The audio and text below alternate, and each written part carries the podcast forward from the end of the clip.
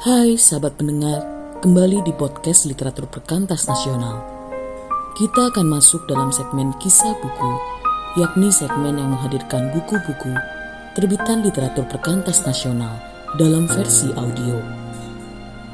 KIIN akan membacakan kisah buku Lebih Dari Cukup karya Haten Blinke, Cewek Maris, dan kawan-kawan dengan judul pembahasan Baptisan Roh, kenyataan yang tidak ada habisnya.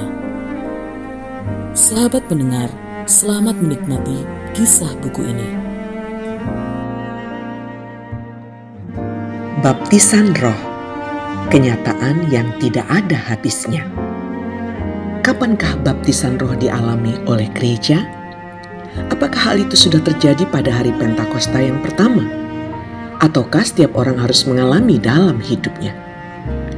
Pada hari Pentakosta yang pertama, Yesus mulai dengan membenamkan manusia ke dalam rohnya dan memenuhi mereka dengan roh itu.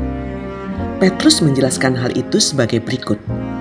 Sesudah ia ditinggalkan oleh tangan kanan Allah dan menerima dari Bapa roh kudus yang dijanjikan itu, maka dicurahkannya roh itu seperti yang kamu lihat dan dengar di sini. Kisah para Rasul 2 ayat 33. Dan dia menunjuk kepada janji yang adalah inti perjanjian yang lama. Sebab bagi kamulah janji itu, yaitu roh kudus yang dijanjikan. Dan bagi anak-anakmu dan bagi orang yang masih jauh, yaitu sebanyak yang akan dipanggil oleh Tuhan Allah. Kisah para Rasul 2 ayat 39. Apakah dengan kejadian itu selesai sudah pembaptisan? atau pemenuhan atau pencurahan roh. Tidak, itu bukan hal yang hanya dilakukan Yesus pada hari Pentakosta yang pertama itu. Dan penerimaan roh atau pemenuhan dengan roh bukan sesuatu yang terjadi pada hari itu sekali untuk selamanya. Memang benar bahwa berbagai tanda-tanda yang menyertai kejadian itu hanya dijumpai pada hari Pentakosta yang pertama itu, yaitu lidah-lidah seperti lidah api, bunyi seperti tiupan angin keras, para pengikut Yesus yang dalam bermacam-macam bahasa bercerita tentang perbuatan-perbuatan besar Allah. Akan tetapi, membaptis gerejanya dalam rohnya itulah yang tetap dilakukan oleh Kristus secara terus-menerus sejak hari Pentakosta yang pertama dahulu itu. Semua orang yang mau menerima Injil Yesus Kristus karena percaya kepada pemberitaannya akan memperoleh roh yang telah dijanjikan. Galatia 3 ayat 2 sampai 5 dan ayat 14. Kisah tentang Cornelius membuktikan hal itu ketika orang yang bukan Yahudi itu menerima Yesus sebagai penyelamatnya. Roh Kudus juga turun ke atas dia dan ke atas seisi rumahnya Kisah para Rasul 10 ayat 44. Ketika Cornelius dan seisi rumahnya dipenuhi oleh roh, mereka berkata-kata dalam bahasa-bahasa lain.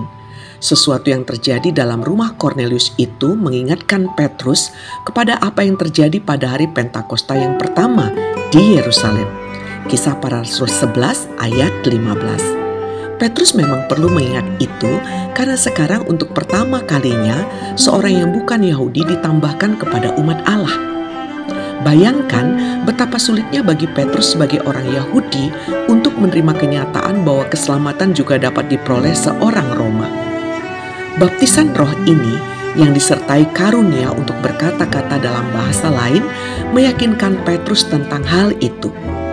Sebab itu, di kemudian hari dia mengatakan, jadi, jika Allah memberikan karunia yang sama kepada mereka, seperti kepada kita pada waktu kita percaya kepada Tuhan Yesus Kristus, bagaimana mungkin aku mencegah Dia? Kisah para Rasul 11 ayat 17. Kita sudah mendengar kisah buku Lebih Dari Cukup yang ditulis oleh Haten Brinke, Cewek Maris, dan kawan-kawan. Pesan dan dapatkan buku ini melalui WhatsApp Literatur Perkantas Nasional. Terima kasih. God bless you.